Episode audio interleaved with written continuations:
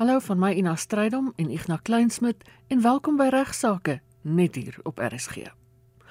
Nou Ignas begin oudergewoonte met 'n storie in Ligtertrand en dan is daar inligting oor die onteieningswetsontwerp, 'n uitspraak oor swart ekonomiese bemagtiging en 'n swaar straf vir 'n sigaretsmokkelaar. Goeiemôre luisteraars, goeiemôre Ina. Lekker om weer oor regsaake te gesels vir my baie interessant.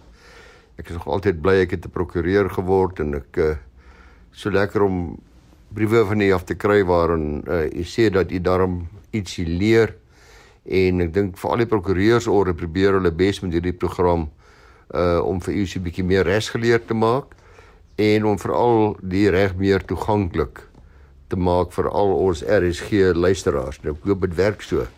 Nog so ietsie uit genade edelagbare ons oorlede kollega Ian Wessels wat lanksaam in die program aangebied het se boek wat hopelik nog beskikbaar is uh by Lapa Uitgewers 0124010700 of jy kan my e-pos lapa@lapa.co.za maar in elk geval hy sê die volgende. Hy sê Johan Olivier was 'n baie bekende en 'n baie bekwame prokureur as voormalige aanklaer en landros was hy ook 'n bedrewe kruisondervraer. Sy saak word na ete in die middel van die somer geroep en soos altyd en is vandag nog so in die meeste baie howe. Joe werk die lugreëling nie.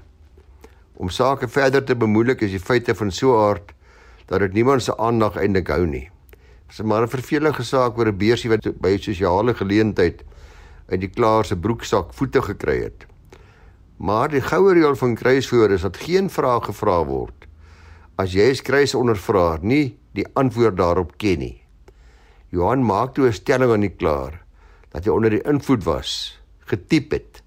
Aan die ander wyse hy was so dronk dat hy geval het dat hy dus glad nie kan sê wie dit is wat sy beursie gevat het en dit het dalk uitgeval. Sy blitsige antwoord was: "Nee, meneer Olivier, ek drink nie soos jy nie." Nou nou nou plaaslap meneer Olivier nou nou maar stil bly, maar toe sonder dat hy die antwoord ken, gaan hy amper die kruis hoor omdat hy amper aan die slaap was, vra Johan: "En hoe weet jy hoeveel ek drink?" Die antwoord was weer sonder aarzeling van die getuie: "Want ek is die head waiter by die Mulani Hotel." Nee, ja. Daar het die prokureur 'n lelike slag gehad getrap. Op 'n ernstige noot, Ina, almal in ons land, ek dink alle Suid-Afrikaners is baie bewus van die oneindingswetsontwerp wat vir baie mense baie benoud maak. Maar ek gaan nietemin tog net vinnig die luisteraars se geheue verfris met 'n kort opsomming van die geskiedenis daarvan om dan te vertel wat nou uiteindelik gebeur het. In 2015 het die minister vir openbare werke die oneindingswetsontwerp. Dis wets wetsontwerp B4 uh van 2015 in die parlement ter tafel gelê. En nadat die wetsontwerp deur al die prosesse gegaan het, het toe aan die president gestuur vir sy instemming. In 2016, 2017 het die voormalige president hierdie wetsontwerp op prosedurele gronde aan die parlement teruggestuur. Daar was 'n klomp mense wat gesê het dis onkonstitusioneel en die prosedure was nie reg nie en daar was nie behoorlike deelname nie. Israel onthou. Elke koerant was vol daarvan. In elk geval dis teruggestuur. Die president het vereis dat 'n paar kwessies deur die parlement aangespreek word. In 2018 het die portefeulje komitee oor openbare werke toe begin werk aan hierdie wetsontwerp. En op 27 Februarie 2018 het die nasionale vergadering 'n besluit 'n resolusie aanvaar om die gesamentlike parlementêre grondwetlike hersieningskomitee hulle praat van die CRC te stig die gesamentlike parlementêre grondwetlike hersieningskomitee dit spesifiek met die oog op hierdie onteieningswetsontwerp en in daardie jaar is die onteieningswet toe die onteieningswetsontwerp toe na die nasionale huis van tradisionele leiers verwys. Dit moes gedoen word in gevolg artikel 18 van die wet op tradisionele leierskap uh, en bestuursraamwerk waarna die komitee daardie voorleggings ontvang het. Nou Eers op 28 Augustus 2018 het hierdie komitee toe besluit geneem om die wetsontwerp te ontwerp vir herinstelling op 'n later stadium want het hulle gesê die wetsontwerp het nie duidelik genoeg gehandel met onteiening sonder vergoeding nie. Nou in 2019 is 'n verdere ad hoc komitee aangestel. Weereens tussen is daar groot bohaai en mense kla en raas en beklei en daar's allerlei belangegroepe wat insette lewer.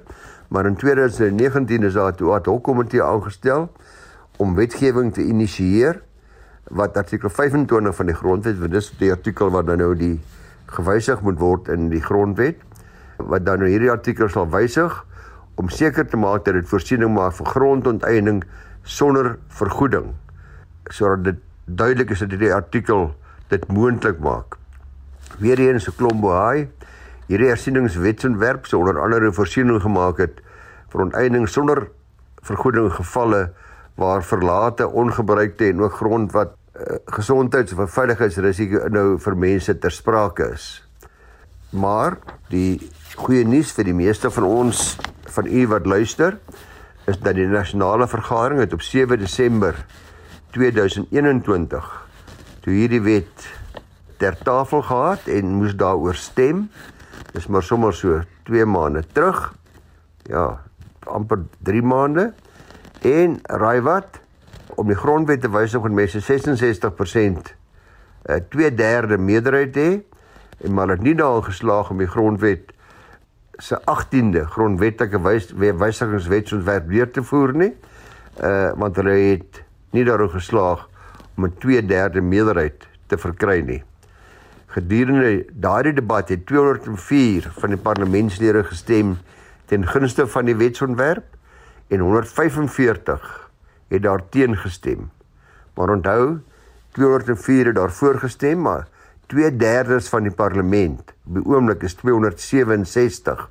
So 267 stemme was nodig om 'n 2/3 meerderheid te hê en uh, slegs 204 het gunste gestem. Nou uh weer eens 'n uh, baie belangrike moontlike wysiging aan die grondwet, maar u en ek weet en ek is seker van alle regsgeleerdes stem in elk geval saam. Dis nie die einde van hierdie lang saak nie, want uh, nie net sekere individue nie, maar veral die ANC en die EFF het reeds baie duidelik gemaak dat hulle hierdie stryd gaan voortsit. Nou op hierdie program en weet nie hoe lank uh, dit nog uh, deur my aangebied gaan word nie. Maar terwyl ek dit aanbied onderneem ek om u op hoogte te hou op die hoogte te hou van uh, presies wat uh, gaan gebeur met die rondeindingswet. Nou Ina, soos jy weet en die meeste luisteraars weet, bied ek die program aan namens die Prokureursorde van Suid-Afrika nou. Tussen die duisende prokureurs is daar verskillende standpunte oor swart ekonomiese bemagtiging, maar ek gaan tog net vir u vertel van wat 'n onlangse uitspraak was waar 'n hof hom redelik sterk uitgelaat het oor die uitsluiting van wit landros met die naam van Richard Lawrence, landros daar van die Vrystaat.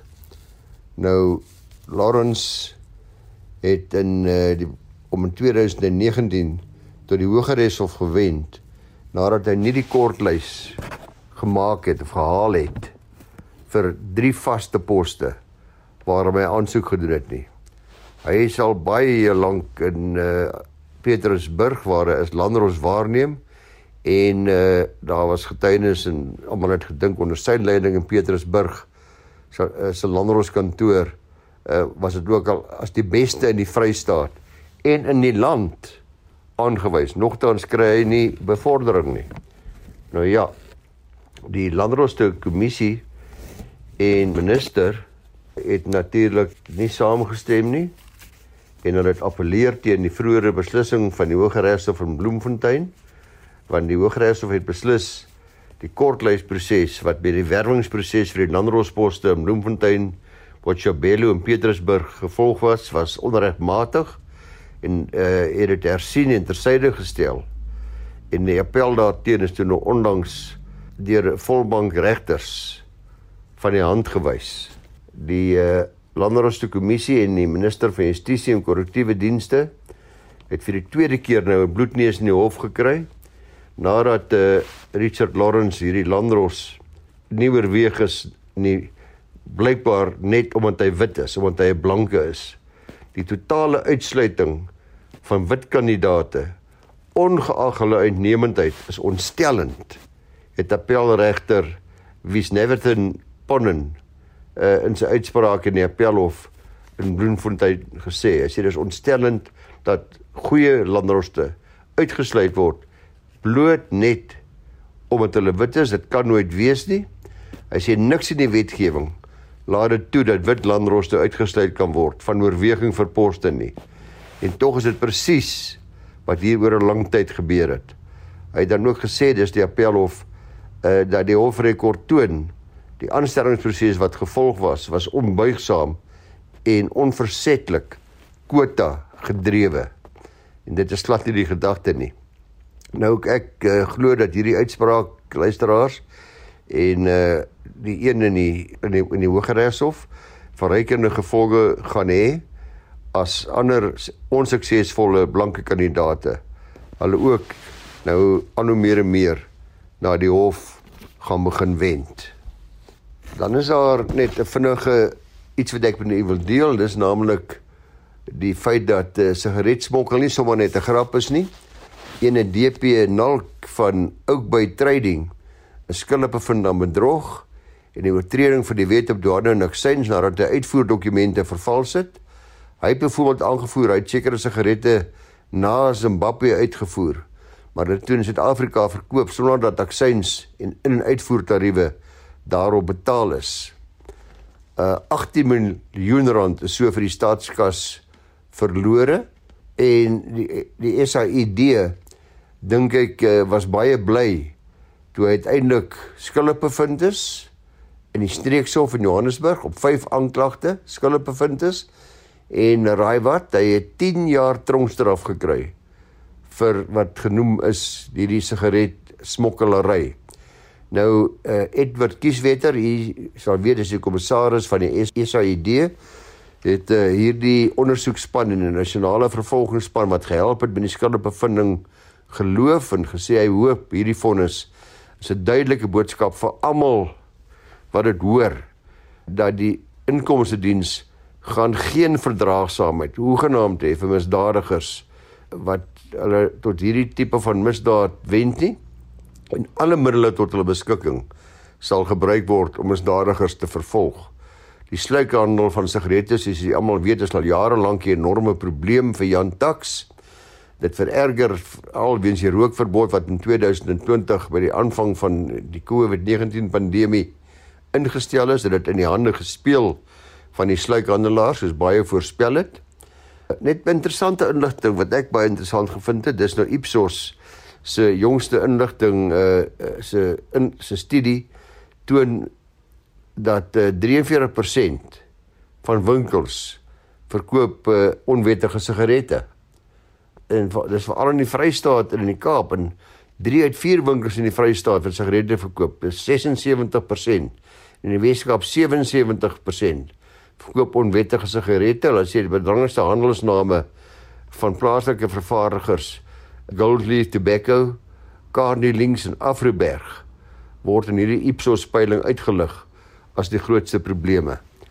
So persoonlik is ek bly dat uh, die mense wat dan hierdie soort van smokkel skuldig maak dan nou ook moet weet dat hulle staar 10 jaar tronkstraf in die gesig as hulle uitgevang word. Luisteraars, ek het al 'n hele paar keer met u gepraat oor die sogenaamde voetstootsklausule en vir julle daarop gewys dat wanneer u 'n uh, eiendom koop vanaf 'n ontwikkelaar, iemand wat in 'n normale loop van sy besigheid huise verkoop, dan kan daardie verkoper van die vaste eiendom nie staat maak op 'n voetsoorsklusstuur in die kontrak en sê ja nee maar hy's gedek want hy het daar is nie 'n waarborg teen verborgde gebreke nie. Want dit word deur die voetsoorsklusstuur uitgesluit. Nee, maar daar kan wel 'n voetsoorsklusstuur wees tussen twee mense wat normaalweg nie dit hulle besigheid het om te verkoop nie. Soos byvoorbeeld u en die buurman wat 'n kooptransaksie het. Nou uh, ek het besluit om tog maar met u dit weer te bespreek omdat dit so belangrik is en daar so 'n mooi uitspraak was onlangs in die Hooggeregshof in Limpopo wat gegee was deur die regter president Ephraim Magoba Nou wat in daardie saak gebeur het uh, in 2011 het die Zietsman se huis by 'n sekere meneer Leroux gekoop en bedryf dit is Christies Inn daar in Senien. Maar lank uh, voor die kontrak geteken is, het meneer Leroux die verkoper baie duidelik vir die Zietsmans gesê hy het 'n stuk plastiek wat groter is as 'n dubbel motorhuis onder die dakdeels wat aanbring om 'n lekplek wat daar in kamer 7 is te herstel. So hulle was doodgelukkig dat hulle weet nie of die lekplek in kamer 7, maar dit is gelukkig herstel.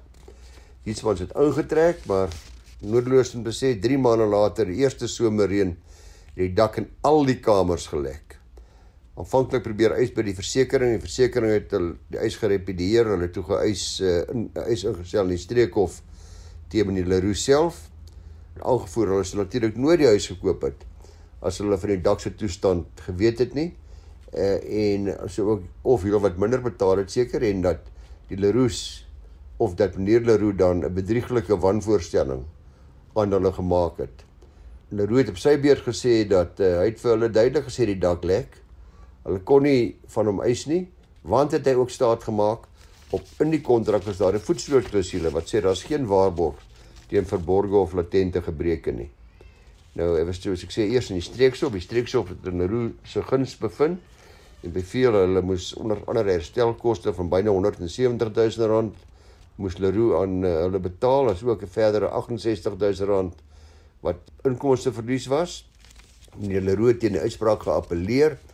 Uh maar toe kom dit nou voor regter Magoba in die Hooggeregshof en uh wat hy die appel beslis en hy het baie duidelik gemaak dat hy in Zietsmans uh, se guns beslis het en want hy het gesê 'n verkoper is verplig om latente defekte en ek beklemtoon die volgende waarvan die verkoper bewus is of behoort te wees bloot te lê.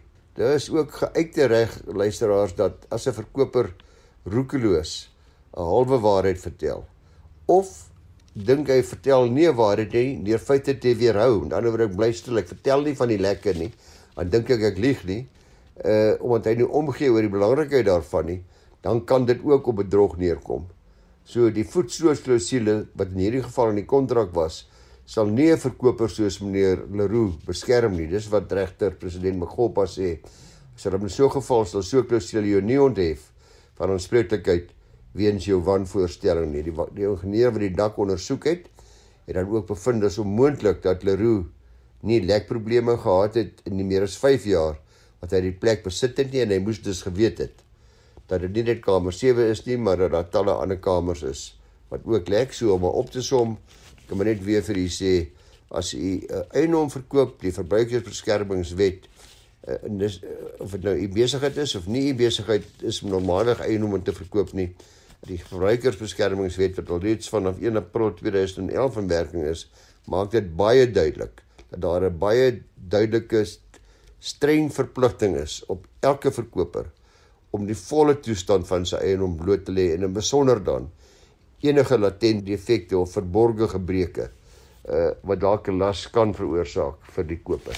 Ek dink ek het al vir u vertel van die ombudsman wat mens kan gebruik uh, by dronk bestuurgevalle.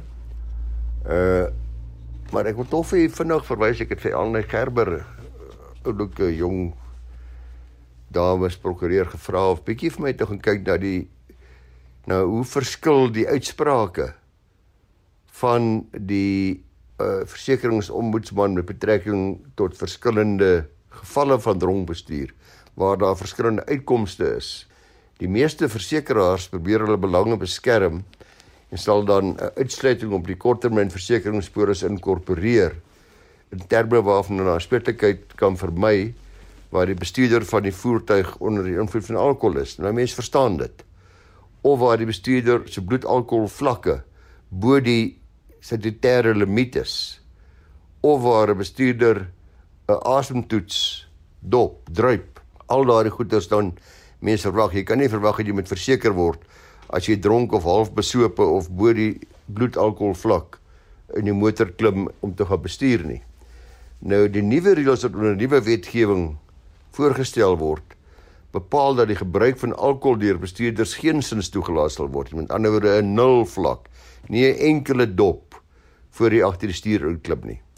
Maar uh die goeie nuus voordat u te groot skrik of uh die van u wat dalk uh, te gou bly word, dis nog nie as wetgewing geproklaameer nie.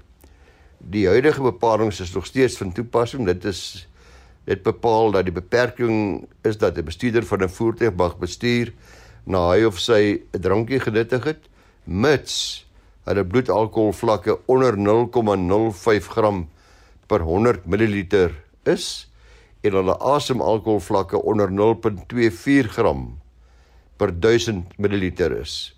Nou dit is uh dit hang baie af van hoe groot 'n mens is, hoeveel vet jy is of 'n klomp ander faktore wat jy alles geëet het en uh, 'n uh, 'n klomp dinge wat 'n hele klomp geneesheere dalk kan oorgetuig wat 'n invloed het, maar rofweg gesproke kan mens sê dis so 2, 3 bure wat ons normaalweg hiervan praat. Versekeraars het ongeag die wetlike bepalinge baie uitdruklike uitsluitings in hulle polisse. Gaan kyk maar na die polisse, dit staan in die meeste polisse wat nie dekking sal geniet in gevalle waar die bestuurder duidelik onder invloed van alkohol of dwelms is nie of waar die alkoholvlakke in hulle bloed die wetlike limiet oorskry of hulle asemtoets dryf nie. So u mag voel jy is nog heeltemal nugter, jy mag heeltemal nugter lyk ook. Die meeste mense sal sê man na twee die biere me keer ek absoluut niks nie. Hoekom mag ek nie bestuur nie? Uh maar daar's baie goeie bewyse dat 'n mens die die wyse waarop jy reageer baie baie stadiger is. Jou refleksies baie stadiger is. wanneer jy alreeds op 0,05 gram per 100 ml bloedalkohol vlak is. Nou wanneer die versekeraar dan nou die eis van die hand wys, uh dan is dit tot op hierdie stadium die versekeraar wat die las dra om te bewys dat die uitsluiting in die polis van toepassing is. Maar omdat dit van geval tot geval afhang, kan enigiets gebeur. Die versekeraar steun gereeld op ooggetuies uh en ander getuies wat daar was om te bewys dat die ou nie regop geloop het nie, dat sy oorbloed beloop was, dat sy spraak aangetast was ensovoorts ensovoorts om beslissings in hulle eise te maak of hulle die eis gaan erken al dan nie. Maar soos ek uh, vir Elnay gevra het, kyk na twee gevalle wat van mekaar verskil wat albei na die ombudsman verwys is waar die versekeraars die eise van die hand gewys het. En hier is hoe hulle verskil. Eis 1 Die motoris was in 'n ongeluk nadat hulle bane probeer verwissel het op dieselfde tyd as die voertuig voor hulle. Dit het natuurlik veroorsaak dat die motoris teruggekeer het na hulle vorige posisie of hulle vorige baan en op daai tydstip het die voertuig in die motoris uh voor hom se agterkant vasgery. In 'n woorde ek kom weer vinnig terug in my, my regte baan, maar so vinnig dat ek ongelukkig stamp met die motor reg voor my se regter agterkant. Nou in daardie geval toe die versekerde die eis ingestel het, het die bestuurder gesê hulle het nie alkohol enigsins gedrink nie. En weens COVID-19 kon daar nie 'n asemtoets gedoen word nie. Nou die versekeraar het die eis wel hier van die hand gewys want die versekeraar het beweer die bestuurder was onder die invloed van alkohol. Die assessor uh, wat die ongeluk ondersoek het, het vier verskillende ooggetuies ondervra en almal van hulle het gesê Hulle kon alkohol ruik uh, in die bestuurder se asem en dat hy soos 'n dronk persoon opgetree het. Daar was ook beweringe dat hulle gesien het hoe die bestuurder drankbottels in die nabye geleë veld weggegooi het. Die versekeraar het ook 'n deskundige gekry om die toneel te assesseer en hy het bevind dat die bestuurder in elk geval in die omstandighede van daardie spesifieke ongeluk die spoedgrens oorskry het deur ongeveer 190 km per uur te ry volgens sy waarnemings en berekenings en assessering. Die ommoed het gebaseer op hierdie getuienis van al die getuies en die assessering bevind dat die bestuurder heel waarskynlik op 'n oorwig van waarskynlikhede onder die invloed was van alkohol en die feit dat hulle onder die invloed was ook heel waarskynlik gelei het tot die ongeluk en dus die versekeraar se afkeuring van die eis goedgekeur. Let wel, daardie geval geen bloedtoetse nie, geen asemtoetse nie, net die getuienis van 'n paar persone wat sekere waarnemings gedoen het. Dit was vir die omboed goed genoeg geweest om die eis se afkeuring goed te keur. In die tweede saak het die bestuurder by 'n kruising gestop En nadat hulle seker gemaak het uh, dis veilig, dis nou hulle getuienis om te ry, het 'n ander voertuig toe hulle vasgery. Hierdie bestuurder het gesê dat nie alkohol genuttig nie en ook weens COVID-19 was daar nie 'n asemtoets toegepas op hom nie. En die versekeraar keer die eis af en dui aan is weens die bestuurder se gebruik van alkohol wat die ongeluk plaasgevind het. Hy het weer eens gesteun op die getuienis van drie getuies. Insluitende die, die die passasier van die ander voertuig en ook twee polisiebeamptes. Blykbaar het die bestuurder nie hierdie keer na alkohol geruik nie maar was hy konfronterend, hy was aggressief, hy was bekleierig geweest. Hy het besope opgetree deur nie 'n lekker balans te hê nie. Dit gelyk of hy effens onvasdes soos by sy voete was. Alhoewel daar ook getuiens was dat hulle stabiel op hulle voete was. Maar het nie lekker opgetree nie, het die getuies gesê. Bietjie besope gelyk. Volgens die versekeraar het die bestuurder versuim om te stop en dus het die beweerde alkoholgebruik hulle bestuursvermoë, sy bestuursvermoë aangetast. Die ombudsman het uh, toe gesê wag, ek het nie genoeg inligting nie.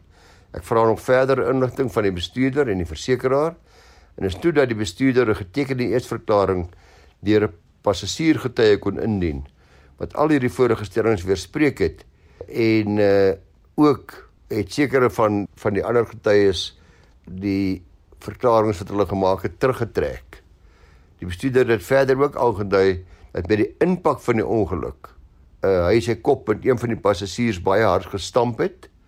Uh wat natuurlik die optrede van 'n moontlike lyk of hulle nie lekker is nie. Moontlik besope, bietjie onvasserig ensovoorts verduidelik. Die ombudsman het in hierdie geval bevind dat die assessor uh die polisiebeamptes leidende vrae gevra het wat duidelike suggesties bevat het en daarom kon hulle so lekker op hulle getuienis staat maak nie en uh, die ombud het die eis goedgekeur en die afkeuring daarvan omgekeer. Nou hoe handel die ombud met sake soos hierdie soos ek nou reeds aangedui het dat hulle in die ondersoek baie moeite insit en probeer vaststellings maak dat baie van die bewyse wat hulle ontvang uh ooggetuie getuienis is. Hulle oorweeg alle inligting wat voor hulle gebring word. Jy moet bewys dat die dat die bestuurder onder die invloed van drank was toe dit uh, plaasvind. Is die versekeraar se bewyslas dat die bestuurder se vlak van die dronkenskap hulle bestuursvermoë geaffekteer het. Getuienis is bloeds of asemtoetse eh, is baie baie waardevol indien dit beskikbaar is, maar is nie 'n voorvereiste nie. Daar kan op omstandigheidsgetuienis gesteun word soos hy vir julle gewys het, soos byvoorbeeld hospitaalrekords, ooggetuies ensovoorts. Ombud sal hy oorwegings van regverdigheid en gelykheid in ag neem, maar meestal sal al die regsbeginsels voldoende wees om 'n bespuit op te klaar en elke saak sal op sy eie meriete nagegaan word.